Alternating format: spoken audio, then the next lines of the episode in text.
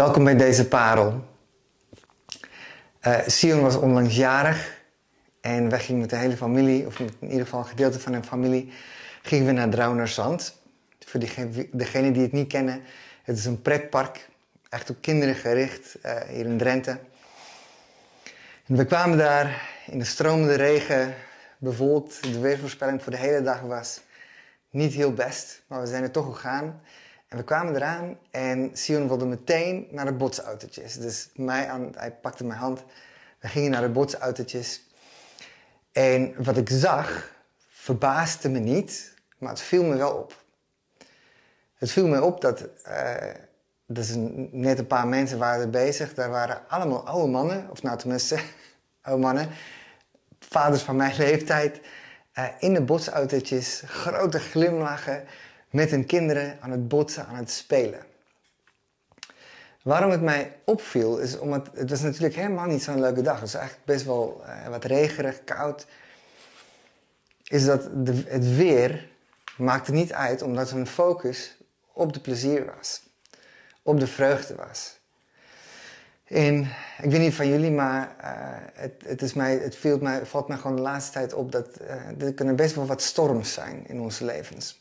Of het nu een geloofstorm is, of een ziektestorm, of een storm van financiële crisis, uh, of van financiële problemen. Het zijn zoveel storms die ons kunnen overkomen. En wat wij, of in ieder geval wat ik dan geneigd ben om te doen, is om mij te richten, op te focussen op die storms.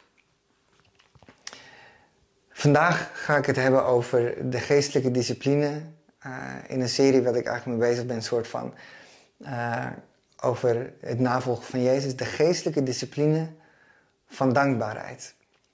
En met alles wat op ons afkomt tegenwoordig, uh, alle krantenkoppen die we steeds lezen, is het steeds wel, mm, ja, is, is het steeds een storm, lijkt het wel.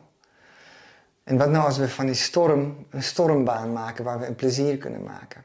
Klinkt misschien een beetje gek, maar uh, ik merk dat deze discipline wat wij met onze, met onze kinderen tegenwoordig doen, um, ontzettend helpt daarin. En ik ga zo meteen uh, het woord geven aan Sion en, uh, om even uit te leggen hoe we dit dan doen. Maar voor we dat gaan doen wil ik eerst met jullie de Bijbel pakken. In de Filippenzen lezen we vers 8. Ten slotte, broers en zusters, schenk aandacht aan alles wat waar is, alles wat edel is, alles wat rechtvaardig is, alles wat zuiver is, alles wat lieflijk is en alles wat eervol is. En kortom, aan alles wat deugdzaam is en lof verdient. Doe alles wat ik u heb geleerd en heb overgedragen. Wat ik u verteld heb en laten zien. Doe het en de God van de vrede zal met u zijn. Zet uw zinnen op alles wat. Schenk aandacht aan alles wat. En dan komt een rijtje. Oh, we hebben het zo nodig en ik heb het zo nodig. Om mijn aandacht te verzetten van de storm naar de stormbaan. Als ik ook denk aan de afgelopen uh, weekend van een 50 uur gebed en dan kijk naar hoe de kinderen ook, onze kinderen konden niet uitgepraat raken over die stormbaan. Aan het begin zag het best wel eng uit. Hoogte, andere kinderen die wild, kinderen die wild spelen. Het zag er bijna een beetje uit uh, uh, als iets wat pijn kon doen. De stormbaan. Maar het moment dat ze leerden hoe om te gaan met die stormbaan werd het een plek waar we ze van bijna, bijna huilend en schreeuwend vanaf moesten sleuren naar huis. Ik ga zo meteen Sion laten vertellen hoe wij de discipline, de geestelijke discipline van dankbaarheid thuis toepassen. Hey Sion, hey Eden. Hoi. Hoi. Vind je het leuk om uh, ook even wat te vertellen aan de mensen thuis? Ja. Ja? ja? Oké. Okay. Wie van jullie kan iets vertellen over hoe we thuis het oefenen om dankbaar te zijn, om dankbaar te zijn voor dingen. Ik hè, kan ja? dat wel. Ja? Nou... Het gaat ook heel spontaan. ja?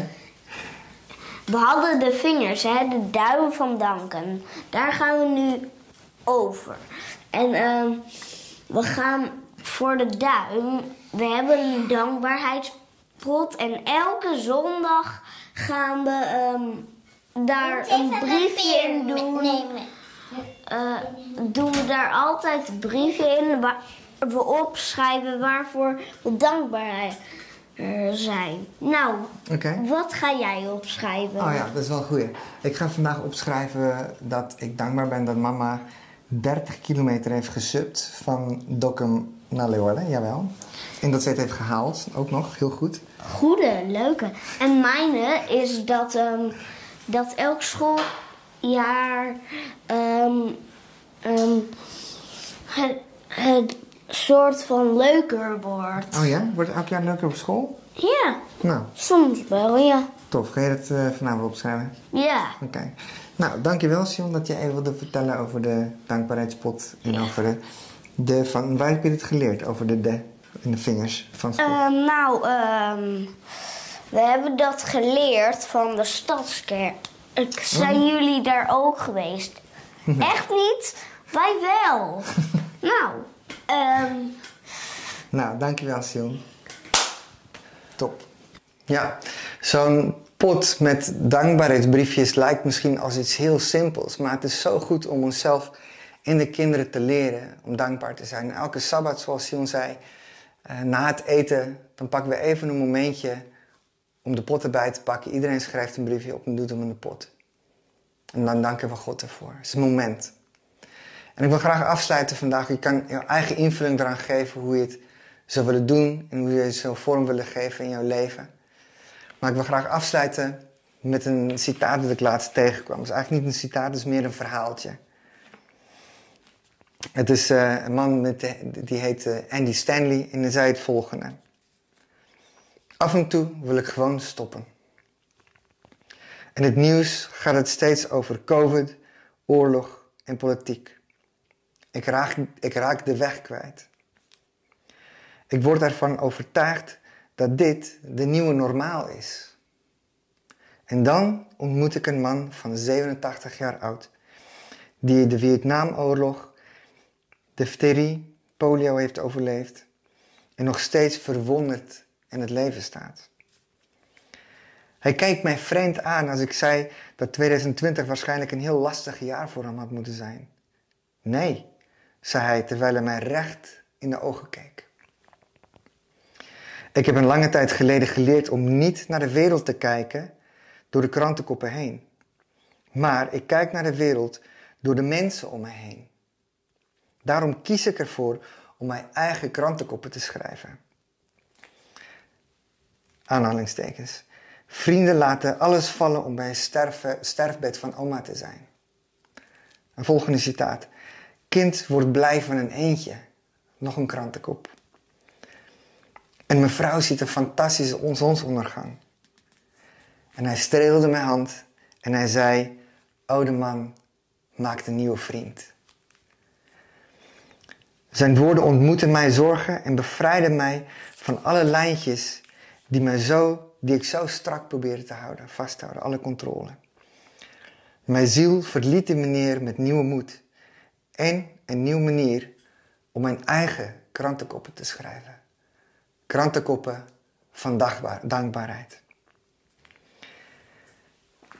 Zullen wij aandacht besteden? Zullen we onze zinnen zetten? Zullen we nadenken over dit wat goed is? Dit wat wonderlijk is? Dit wat aandacht verdient? En voor ik dit afsluit wil ik jou even een minuut stil te geven, ons.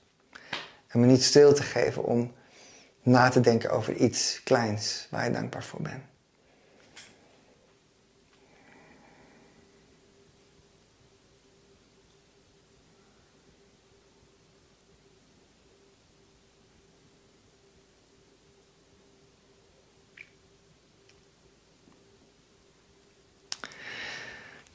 Laten we nieuwe ko- krantenkoppen schrijven, zou ik zeggen, met z'n allen. Krantenkoppen van dankbaarheid. Het is een geestelijke discipline wat ons heel veel kan brengen. Namens, ja, en dat is de, de vrede van God, zoals in de Filippenzen 4 staat. Bedankt voor het kijken en het luisteren. Zegen.